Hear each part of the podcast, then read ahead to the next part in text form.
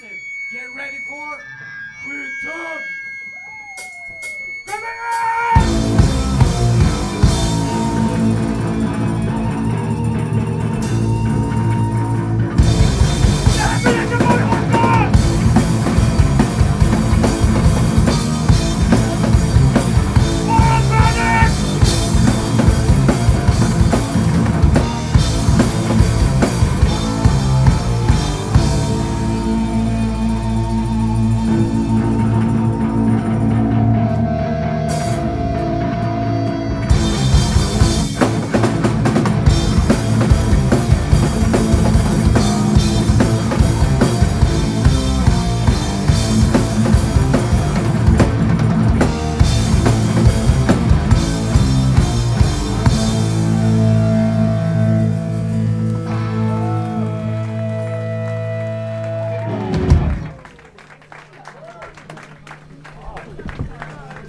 Svinbra. Fick vi upp eh, pulsen lite grann också.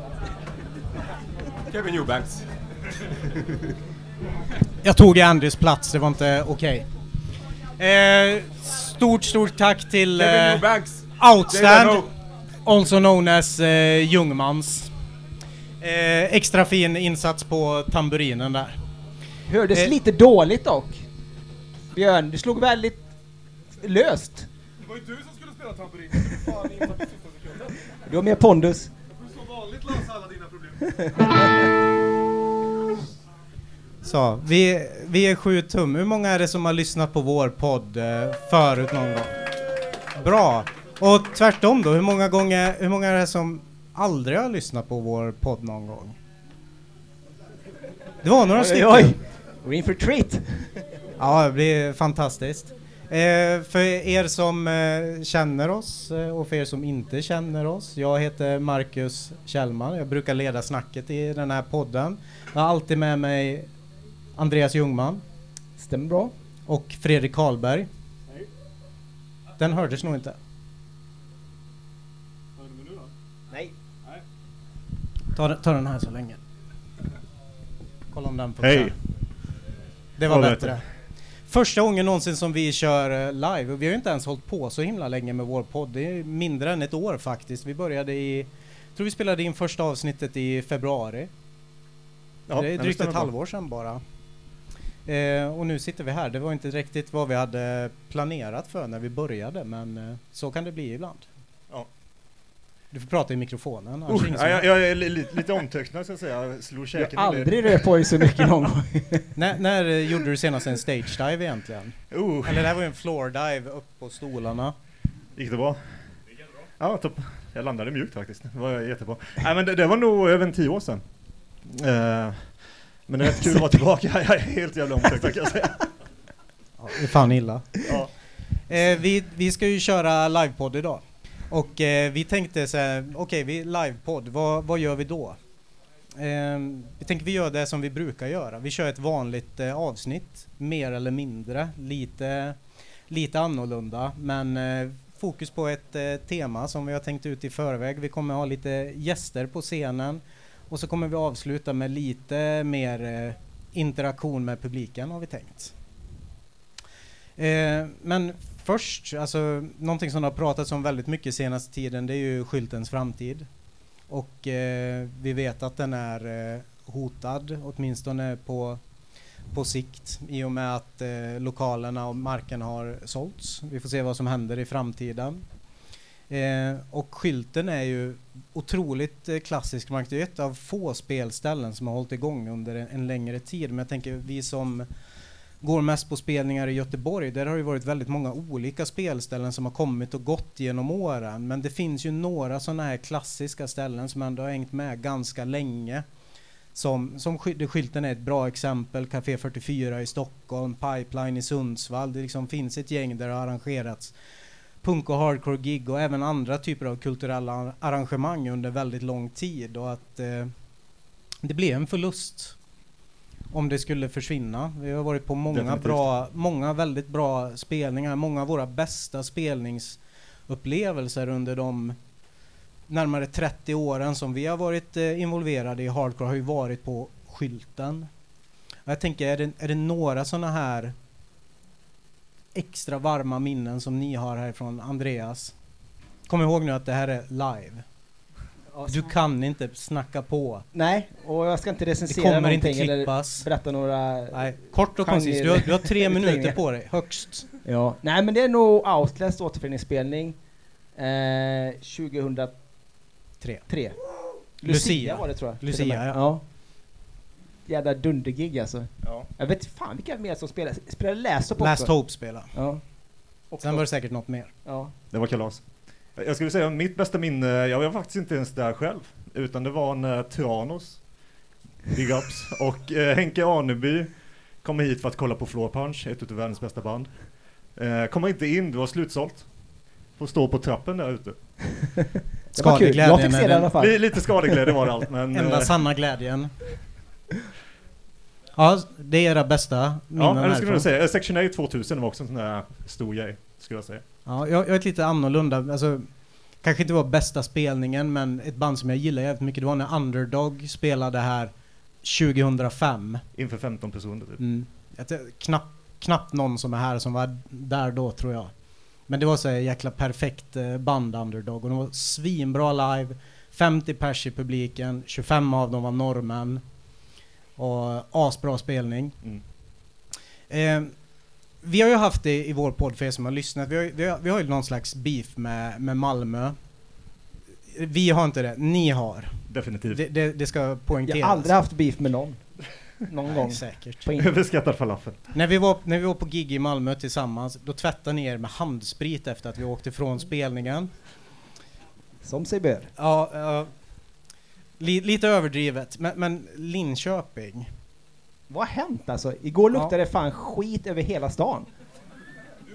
Ja, men idag luktar det ingenting. Vad är det som Jag händer? Kan, kan på någon förklara för oss? Det luktade, luktade fan riktigt illa Är alltså. det därför jag är så dålig i magen också? Liksom Nej, det, sugit det in tror jag den där inte. pajs. skyll, skyll inte det på det tror jag. Nej. Men eh, annars Linköping, fantastiskt. Ja, mycket bra folk härifrån också, Ja. får man säga. Och kul att få vara på scen i Linköping på en så klassisk, eh, i en så klassisk spelningslokal som Skylten. Mm. Otroligt roligt. Vi ska inte fastna för mycket i eh, saker som har varit förr. Vi försöker vara en podd som håller oss hyfsat aktuella, fokuserar på hardcore här och nu. Och jag tänker de viktigaste åren, det är alltid de åren som man upplever nu och de som man har framför sig. Historien har ju redan varit va, och även om nostalgi har sin plats så vill vi vara en podd som eh, hela tiden blickar framåt och plockar upp aktuell svensk hardcore. Och det, det kommer vi ju göra idag också. Igår var ju också en fantastiskt fin dag. Ja, Det var många, säga. många bra band som spelade. Vad tar ni med er från gårdagen innan vi hoppar in på det som är dagens tema sen? Nu känns det lite som att vi är på konferens här när du... tar, att vi ska, vad tar du med dig då den här dagen? Ja, jag somnade typ tre gånger under den där föreläsningen. Fan. Ja men bäst, alltså jag, bäst och bäst, allt var bra. Jag tycker ju alltid allt är bra jämt. Men, eh, ja, men det var jävligt gött att se eh, så mycket olika stilar. Eh, det, Titta på publiken istället, titta inte det, på mig. Nej men du är ju den Ja, titta på publiken. pappa i podden. Ehm, ja men Existence, svinbra. Eh, vad mer? Sharp Time, svinbra. Sista sekunden, svinbra. Jag skulle säga Existence, Crybaby, Size Up, Big Ups. Post-corona-band, vi kommer komma in lite på det sen. Men det är så jävla viktigt att det kommer så många nya feta band. Det var Så- många band som lät jäkligt bra igår alltså. Det var bra ljud. Ja. Det var det. Aldrig, applåd till ljudkillen. Yes.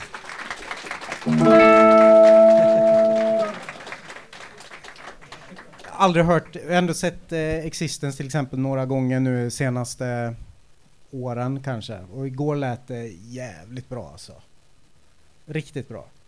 Jag, jag skulle vilja lyfta Crybaby lite extra. Eh, för, för, för någon som liksom älskar Youth of Today, Judge, Floor Punch, den typen av hardcore som jag tycker saknas, inte bara i Sverige utan i hardcore-världen överhuvudtaget just nu. Det är väldigt lite youth crew-orienterad hardcore.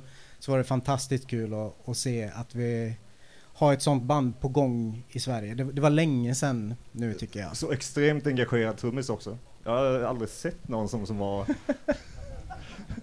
var du ens där Han Björn? kan inte bara tamburin, han kan trumma. Hade du roligt? Och idag är det ännu fler band som spelar. Vad, vad är ni mest taggade på att se idag? Som vanligt hårda tider. Ja. Som typ Tyvärr. aldrig är dåliga någon gång. Japp. och bada i en sprittunna. Eller inte straight edge nog. Jag, jag har aldrig sett eh, sekunderna. Det tycker jag ska bli jävligt kul att se. Jag vet att ni inte är lika peppade på den typen Nej, det är inte av min kopp av te. Den typen av punk, men eh, Nej. nej, det är svårt. Eller jo. Speciellt de här. Bands of Trust kommer bli jävligt intressant Ja. att se framförallt. Ja. Vi får se hur många covers de kommer spela. Ja. Alltså, eh, eh, deras låtar uppgår väl till en total tidslängd av eh, åtta minuter tror jag. Ja. Sju. Hur många covers har ni? Ja. Det går ju rykten om att ett par låtar ni inte ens vill spela. Alla undrar varför. Eh, vi ska gå över till det som är eh, dagens eh, huvudtema. Och eh, då byter vi ämne. Snyggt! En applåd till eh, Gabbe. Vilken jävla kung alltså. Jag fattar det. Tack så mycket.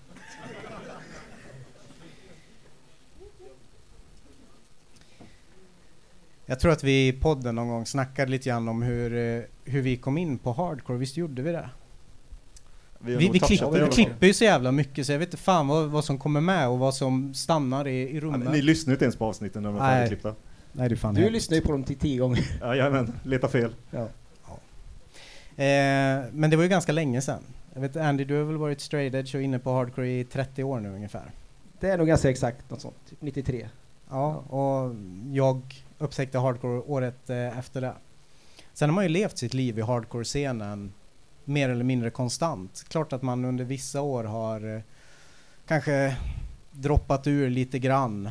Men hela tiden haft koll och kommit tillbaka. Det händer ju andra saker i livet när man, när man får barn och sånt som gör att man inte har riktigt samma tid och över till det engagemanget som man kanske hade tidigare. Men när vi kom in på hardcore då var det ju det var ju typ det absolut coolaste som existerade. I alla fall så var det i den eh, lilla stad som jag kom ifrån. ja, men, eh, de absolut coolaste på, på ens högstadieskola, det var ju de som skatade och lyssnade på hardcore. Dennis Luxén var på TV. Det var Ja. snack om djuret precis överallt.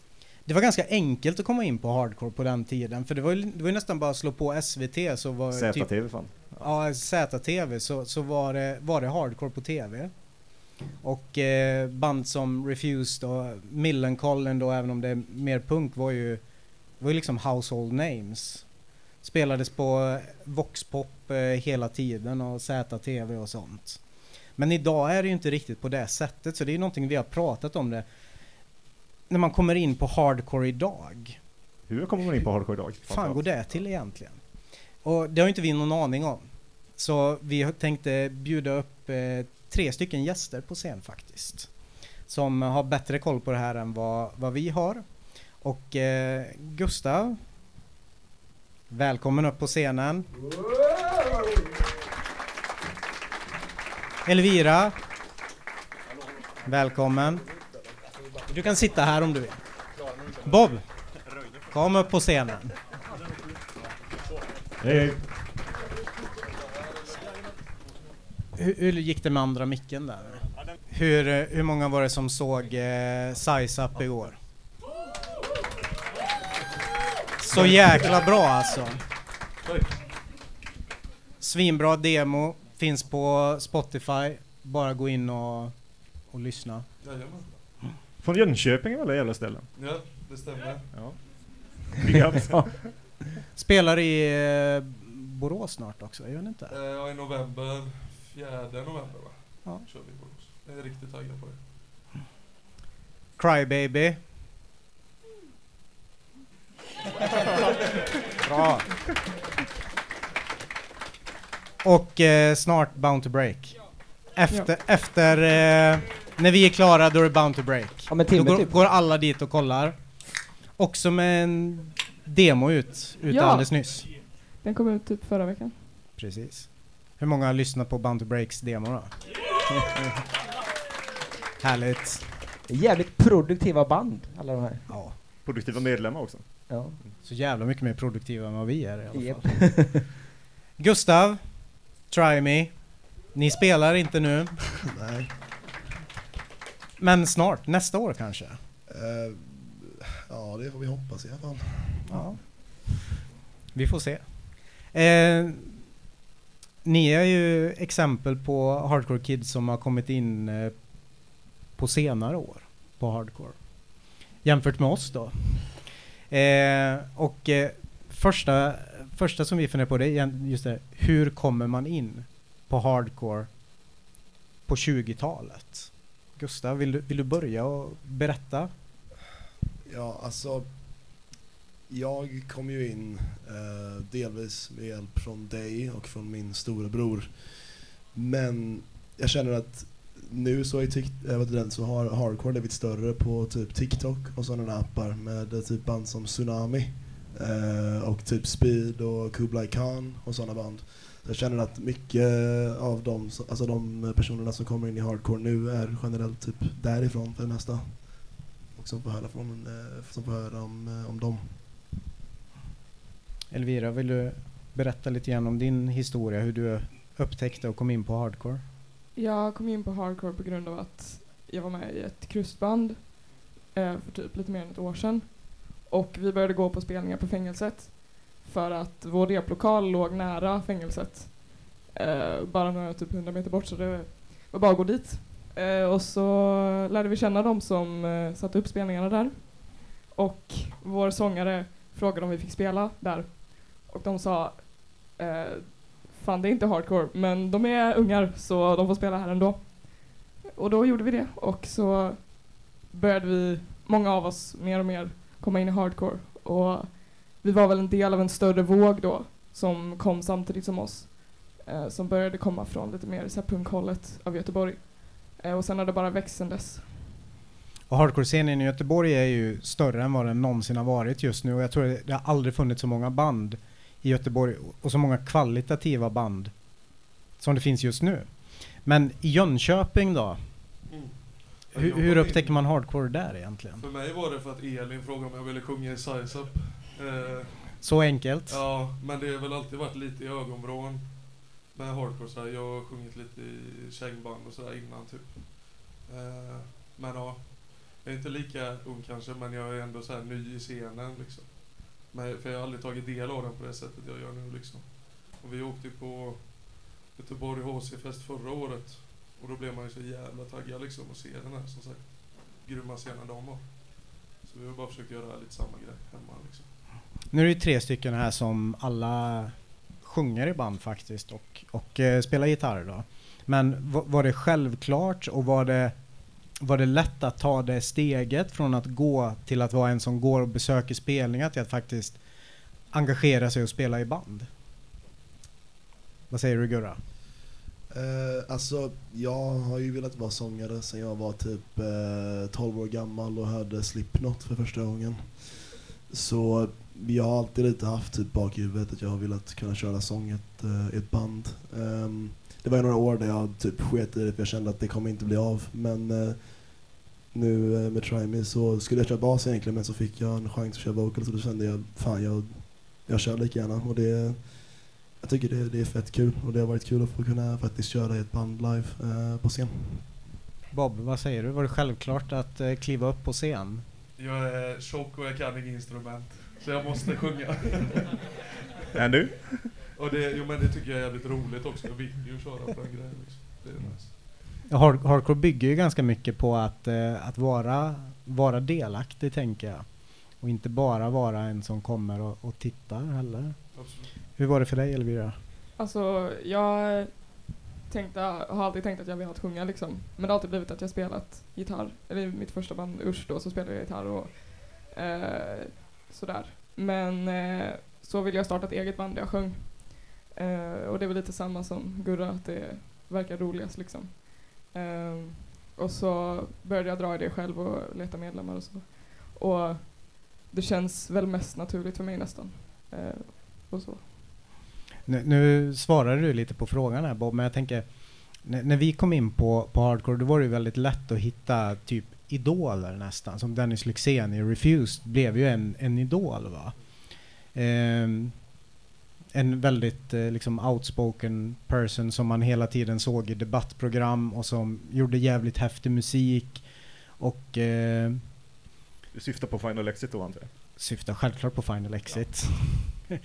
eh, finns det personer som har varit liksom viktiga för er när ni har kommit in i scenen som har gjort att eh, det var lättare för er att engagera sig och som, som man kanske till och med har sett upp till?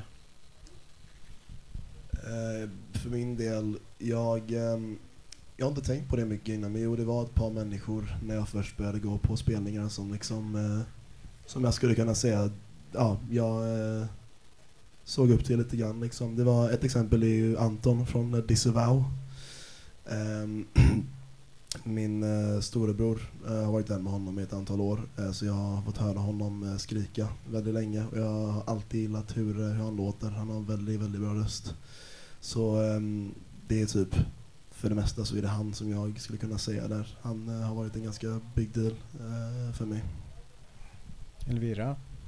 Jag vet inte, för mig har det gått lite åt andra hållet kanske. Att man, det är inte som att man börjar, för mig var det inte så att jag hittade hardcore och sen började gå på spelningar. Så det är inte som att jag har haft någon idol i något stort band eller sådär på samma sätt som Dennis Lyxzén kanske. Men eh, när jag började gå på spelningar så blev jag ju kompisar med många äldre och så i More Panic. Och det blir väl konstigt att säga förebild för jag vill inte vara exakt som dem eller sådär. Det hoppas jag. Det, det vill jag verkligen inte. Eh, Men eh, det blir ändå... det vill jag verkligen. Men det blir ändå någonting att förhålla sig till och se upp till, speciellt när det kommer till just hardcore. Liksom. Eh, och de är helt efterblivna och det är jag också, men de lyckas också de lyckas också liksom vara vuxna och hålla på med hardcore, vilket är det enda jag vill göra. Eh, och då blir det att jag börjar se upp till dem på ett visst sätt. Liksom. Jag ska inte lyssna så mycket på John bara, det finns annat i livet än hardcore också. Det är jag väl medveten om. Ja, men det passar väl egentligen på sin plats här att en, en stor jävla applåd till Moral Panic som ser till att det händer saker i Göteborg. Björn Rådna. Det är mina förebilder också, Moral Panic. Göteborg. Fredrik, vilka var dina förebilder när du Ja, men jag var ju, eh, jag hade ju en stor förebild hemma vid Vetlanda som jag kommer ifrån, det var ju Klackan. Han hängde mycket här i Linköping också. Eh, och sen när man kom hit, eh, det, det var ju hela skylten-gänget som var här, det var ju Outlast och Section 8. Eh, man hade Bridge Distron och hela arrangemanget kring spelningarna här, det var ju verkligen någonting man försökte, ja men försökte sig på att förstå. Bör, jag startade mitt egna skivbolag, kan man kalla det så? Jo det kan man nästan göra. Greken Records, så det var ju jag kommer inte ihåg något år, kan det ha varit 2000, 2001 någonting? Och det första bandet jag släppte var ju ett band från Linköping och det var ju någon anledning, man hängde ju här mycket då. Det var Blame Luke. Jag vet inte hur många här som kommer ihåg dem. Jag kommer ihåg dem. Ja. Det är det Ja, viktiga. Det var vi. Ja, men för min del så, alltså jag hängde ju mycket i Vänersborg och, och Trollhättan och sådär, mest Vänersborg.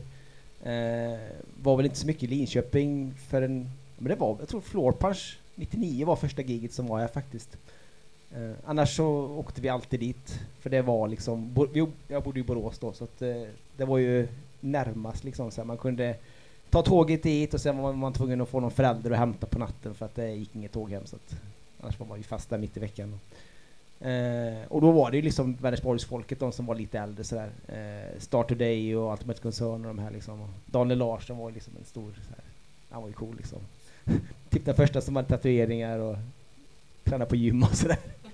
Nej, jag vet inte vad, så jävla töntigt. Vi klipper bort det där. ja, den, den tar vi bort. Vi klipper ingenting. Ehm, när, när man kommer i kontakt med scenen eh, första gången så kanske man inte riktigt, har- eller då har man givetvis inte samma koll som man skaffar sig successivt. Hur, hur uppfattade ni hardcore-scenen när ni kom i kontakt med den första gången? Du kan få börja Elvira. Alltså för mig var det verkligen som att bli frälst. Alltså första spelningen jag gick på så tänkte jag det är här jag borde vara liksom. Uh, för alltså det kändes alltid väldigt välkomnande och alla var jättesnälla till en början i alla fall. Och, uh, och sådär.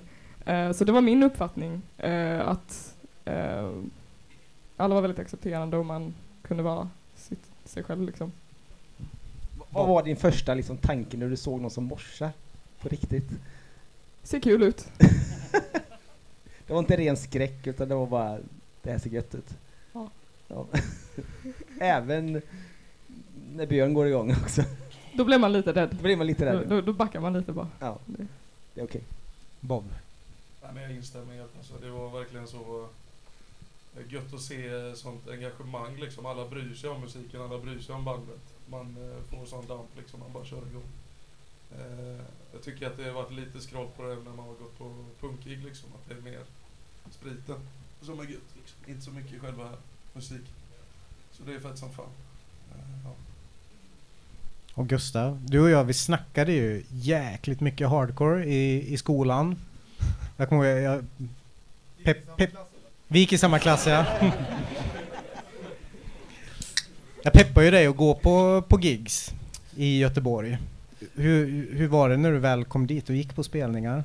Eh, alltså, den enda typ upplevelsen jag hade haft ordentligt innan var ju alltså på typ någon sorts spelning eller någonting. Det var ju typ en riktigt stor konsert och jag förväntade mig någonting ganska liknande men när jag väl kom till spelningen så var det liksom jag insåg då liksom oj det här är det här är någonting annorlunda men jag var direkt efter på hela vägen än så tänkte jag och snackade bara om fan det där var jättecoolt det där liksom det var det kostade ju kanske jag vet inte, en tiondel av priset av en konsertbiljett och det var Det är väl gratis för er under 20? Ja, ja det, är ju, det, är, det är ju gratis också för oss. Eh, det, men det var mycket mer kul. Det var, det var, eh, jag vet inte, det var, det, det var typ direkt som jag kände, ja det här vill jag fortsätta gå på. Eh, och eh, ända sedan dess så vet inte, det har aldrig, det har aldrig blivit, alltså det är bara hela tiden så peppar jag på det. Det, är- det är askul. Men vad, vad tycker era kompisar som eh, inte lyssnar på hardcore? Vad tycker de om hardcore liksom? Om ni har kvar några? De är inte kvar. Skoja. Jag har, In i sekten. jag, har, jag har några kompisar som inte håller på med hardcore. Eh, några som håller på med annan punk och så, de fattar ju verkligen det subkulturella liksom. Eh, och sådär. Men, och några som eh, inte håller på med det alls. Och de tycker jag är helt tokig. Eh, men det får de tycka. Gustav. Ja, nu har jag inte många vänner som inte eh, lyssnar på hardcore. Men jag hade det lite i eh, nian. ehm, när jag, eh, ja, innan jag slutade skolan där så hade jag några vänner som jag försökte få in på det.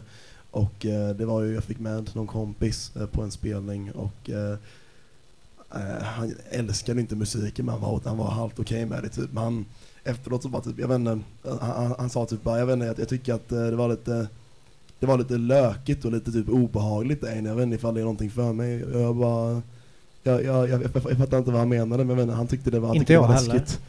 Han tyckte det var läskigt och, eh, och äckligt för att det var så mycket svett överallt. Kan man ju respektera kanske. Ja. Bob. Eh, nej, jag, du, det är ganska blandat men de flesta av mina vänner som inte är i scenen eh, fattar väl ändå grejen för att jag blir så jävla glad och, när man pratar om det typ. Att de ursäktar det där beteendet att man slår massa barn när man går på spelning. Typ. För att det är så roligt. Det är det du säger att du gör när du går på spelning. Eh, vi backar tillbaks till historien lite grann ändå, därför att det är ju ändå så att alltså nu finns det ungefär 45 år av eh, hardcore-historia. Och någonstans spelar ju den någon slags roll. Har ni hunnit eh, själva liksom fördjupa er i historia och tycker ni att det är viktigt att känna till rötterna, var scenen kommer ifrån och var musiken kommer ifrån? Jag tror att det är olika viktigt för olika personer och sådär. Eh, det finns ju vissa som gillar, sig och, gillar att grotta ner sig i, i sånt och vissa som bara tycker om att köra nu liksom. Uh, men när jag, när jag blev straight edge så fick jag någon så besatthet av Umeå och på 90-talet liksom så kollade jag asmycket Youtube och skit. Uh, så uh, för mig var det ganska viktigt då liksom, men nu tänker jag inte så mycket på det och sådär. Men såklart är det viktigt för det är det som har lett upp till vad hardcore är nu. Så det är viktigt att komma ihåg och det är nice att det fortfarande finns folk från förr, liksom. från förr, som det är antika, men det, men det Jag tror det är dig hon syftar på Emily. från förr i tiden. Nej men, eh, Bobbe, vad säger du? Jo, men det finns ju alltid erfarenheter att hämta från folk som har varit i en scen eller vad det är man är, sysslar med. Men eh, ja, det, det är väl som en grundpelare. Liksom. Men eh, jag har inte lagt jätte- jättemycket tid på att gå långt bak. Liksom. Eller så. Själv. Vi, upplever ändå, det var ju rätt intressant när vi började gå på gig efter corona igen, det var ju lite stiltje där ett tag. Eh, Men när man kom tillbaka till, eh, till scenen igen och började gå på spelningar, liksom, att mycket utav det här regelverket som vi delvis hade varit med och satt upp eh, och följde, att det var som bortblåst.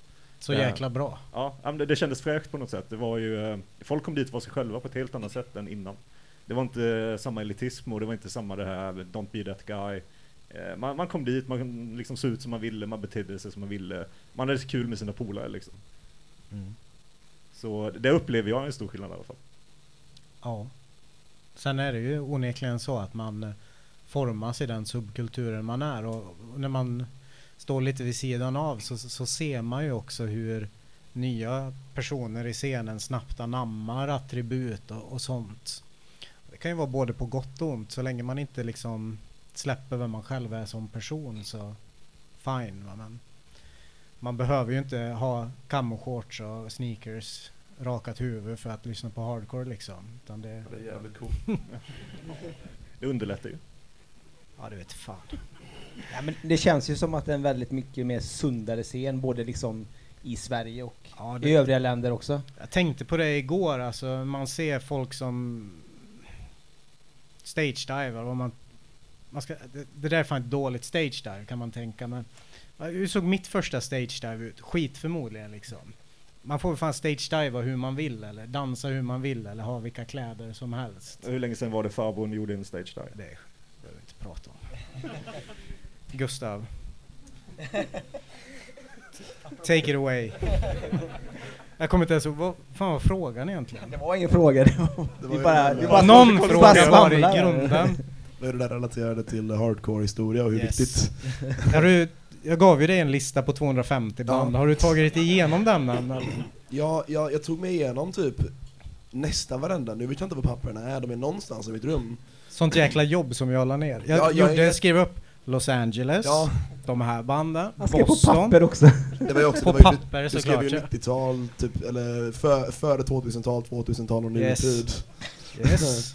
Ja, jag, jag, jag, jag försöker leta efter dem för jag är genuint jätteirriterad när jag insåg att de var borta för att jag, jag, vill, jag, vill, jag ville kunna ta, alltså gå igenom dem och sen typ sätta upp dem på väggen eller någonting för det är kul.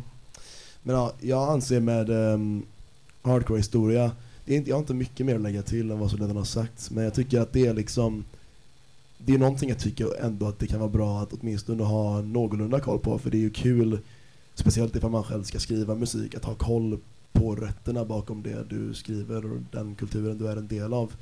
Ehm, det är ju bara liksom, jag vet inte, jag känner att det, du kan, då lär man sig på ett sätt att uppskatta det ännu mer för vad det har kommit ifrån och hur det har utvecklats och hur det har blandats med olika grejer. Det, det är intressant bara. Hur många riff och sådär snor ni från gamla band? Oj, Och gör om lite grann? Du, Det typ, måste vara en jävla guldgruva. fan, typ, eh, oj, det är ju inte, jag skriver ju inte riffs men typ nästan varje gång jag gör det så känns det som att jag snor någonting. Vi, eh, jag vet inte ifall vi har snott några specifika, typ hardcore riff. Det, det är ju inte jag som sköter det, det är vår gitarrist här i Hyving där ute. Ehm, ja, jag vet inte fan, vad har vi, vad har vi snott för något? Nej, du, du snodde den från The Smashing Pumpkins eller vad fan det var det du sa? Det är smart. Ja, men jag vet inte fan, jag, när jag har lite då och då försökt liksom se, alltså komma på något riff eller någonting, jag, för våran stil så eh, har jag ju lyssnat mycket på typ DS13 och eh, sådana här mer thrashiga eh, hardcoreband för det är ju det, eh, det soundet som vi har mer för tillfället ish. Typ. Subject to change alltså. Det kan förändras. Ja, nu är det ju, vi har snackat om att göra liksom en hel rehal på hur vi låter för att vi inte är helt nöjda med det eh, och känner att det kan bli mycket bättre. Men ja, det var, det var typ det jag tog inspiration av innan, nu kommer det nog ändras lite mera. Det, historien är ju otroligt mycket mer tillgänglig jämfört med när många av oss som är äldre kom in på hardcore. Nu är det ju bara Spotify rekommenderar en artist som låter likadant. Fan, det tog svin många år för mig att upptäcka Youth of Today till exempel. Det tog nog säkert tio år för mig. Man, eh, man gick efter bookleten på en CD-skiva och så kollade man tracklistan. Kollade man upp de banden. Och sen eh, fick man tag i några skivor som låg där och sen så kollade man på tracklistan på de banden. Och helt plötsligt så var man inne på sån här belgisk nu metal. Ja, du får snacka för dig själv alltså. Jag har aldrig lyssnat på en belgisk nu metal. Kommer aldrig göra heller. Ehm, vi har ju all, alla varit sådana som också har konsumerat väldigt mycket. Men det tänker jag också är någonting som förändras i och med att det finns andra möjligheter. Man hade ju sina ett par tusen vinylskivor hemma ståendes i, i hyllan. Hur, hur tycker ni att det ser ut dels för er men hur upplever ni inställningen till sånt är bland de som kommer in på scenen nu? Köpa skivor, köpa tröjor och konsumera. Jag tror att även fast det kanske inte behövs lika mycket längre såklart, eftersom att allt finns på internet, så är det jävligt nice att ha saker i handen, speciellt alltså med skivor och så. Eh, så för många så är det fortfarande viktigt. Alltså, det är en, många kids som köper eh, vinyler och, och sådär. Ehm, um, också att det är lite hippt typ. Ehm, men eh, det är ju inte alls till samma nivå som det var innan såklart. Eh, och sen med tröjor och så, så tröjor går åt på fängelset i alla fall. Eh, och så fort det kommer ett nytt tröjsläpp så, så kommer folk köpa det liksom, speciellt de väldigt så här, älskade lokala banden liksom. Eh, men det är också, jag tror inte det är jättemånga som typ så här köper grejer online och sådär. Eh, alltså så tröjor liksom, utan det är mest påspelningarna, liksom. Bob? Ja, nej, jag håller med. Jag har ingenting att lägga till där. Gurra då? Vad säger du? Ja, det var, det var väldigt välbeskrivet. Det är typ exakt så jag, jag, jag, jag känner med. Okej, bra svar. eh, har ni någonting som ni vill eh, tillägga? Just på den punkten eller? Överhuvudtaget? Överhuvudtaget. ja. Men jag, jag tänker det finns ju ändå ett värde i att, som du precis säger, att ha en fysisk skiva i handen så man sitter och kollar texter och bläddrar och så här. Eh, men ni, ni upplever ändå liksom att det, det är att föredra. Har man ens en vinylspelare hemma idag? En kassettspelare? Har man liksom CD-spelare i bilen som man hade förr? Eh, alltså, för min del, jag har ju en eh, sån här CD och kassettspelare, sån här dubbelspelare och jag, jag brukar ju lyssna mycket på Spotify typ när jag sitter på tåget eller någonting men typ när jag sitter hemma ibland så blir det ibland, jag vet inte, det, det, är en, det är lite en annan känsla när man sätter i en skiva eller en kassett eller ja, man sätter på en vinyl eller någonting och sitter och lyssnar på det. Det, är liksom, jag vet inte, det, känns, det känns lite annorlunda, jag tycker det, det, det är kul, det är skönt. Vi har pratat om det i något avsnitt, förmodligen något som, som inte kom med, men det här kons konsumera som ett sätt att stötta band också. Eh, turnerande band till exempel, att köpa en tröja för att stötta bandet. Och apropå tröjor, vi har ju vi har ju, sa det, ett starkt eh, merch-game idag Fredrik. Ja, precis. Det hänger en tröja där nere om man är intresserad. Vi hade en pre-order på den som blev extremt försenad. Eh, ingen nämnd, ingen glömd, säga, men eh, nu är det allting utskickat, men vi har några exemplar kvar. Så ni kan välja att antingen köper ni smutstvätt från lite föredettingar som hänger här omkring, eller så köper ni tröja av oss. Köp inte Agora Bartol. De pengarna går bara till massa dåligt. Köp på Mike istället. Eller så, så vinner man en tröja. Berätta. Andy. Visst. Berätta.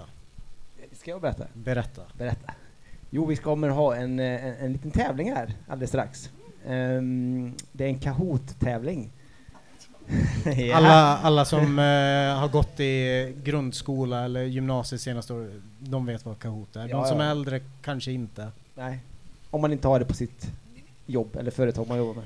Nu vet jag inte hur många människor det är inne, men det, vi har ju alltså en begränsning på 40 pers. Det, det är ju lite halvjobbigt. Jag Just trodde det. inte att det skulle bli så många här. Jag hade ingen aning om hur många som skulle dyka upp. Så man får jävligt snabb med att logga in här Precis. alltså. Och, och, och svarar man eh, rätt på de här eh, frågorna och dessutom svarar jävligt snabbt, för det, det går på tid alltså.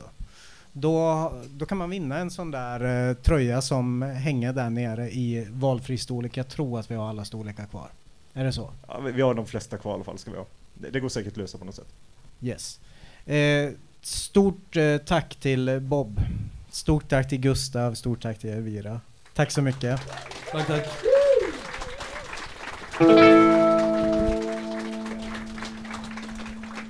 Med det tänker jag så att vi är klara. Vi tackar för oss.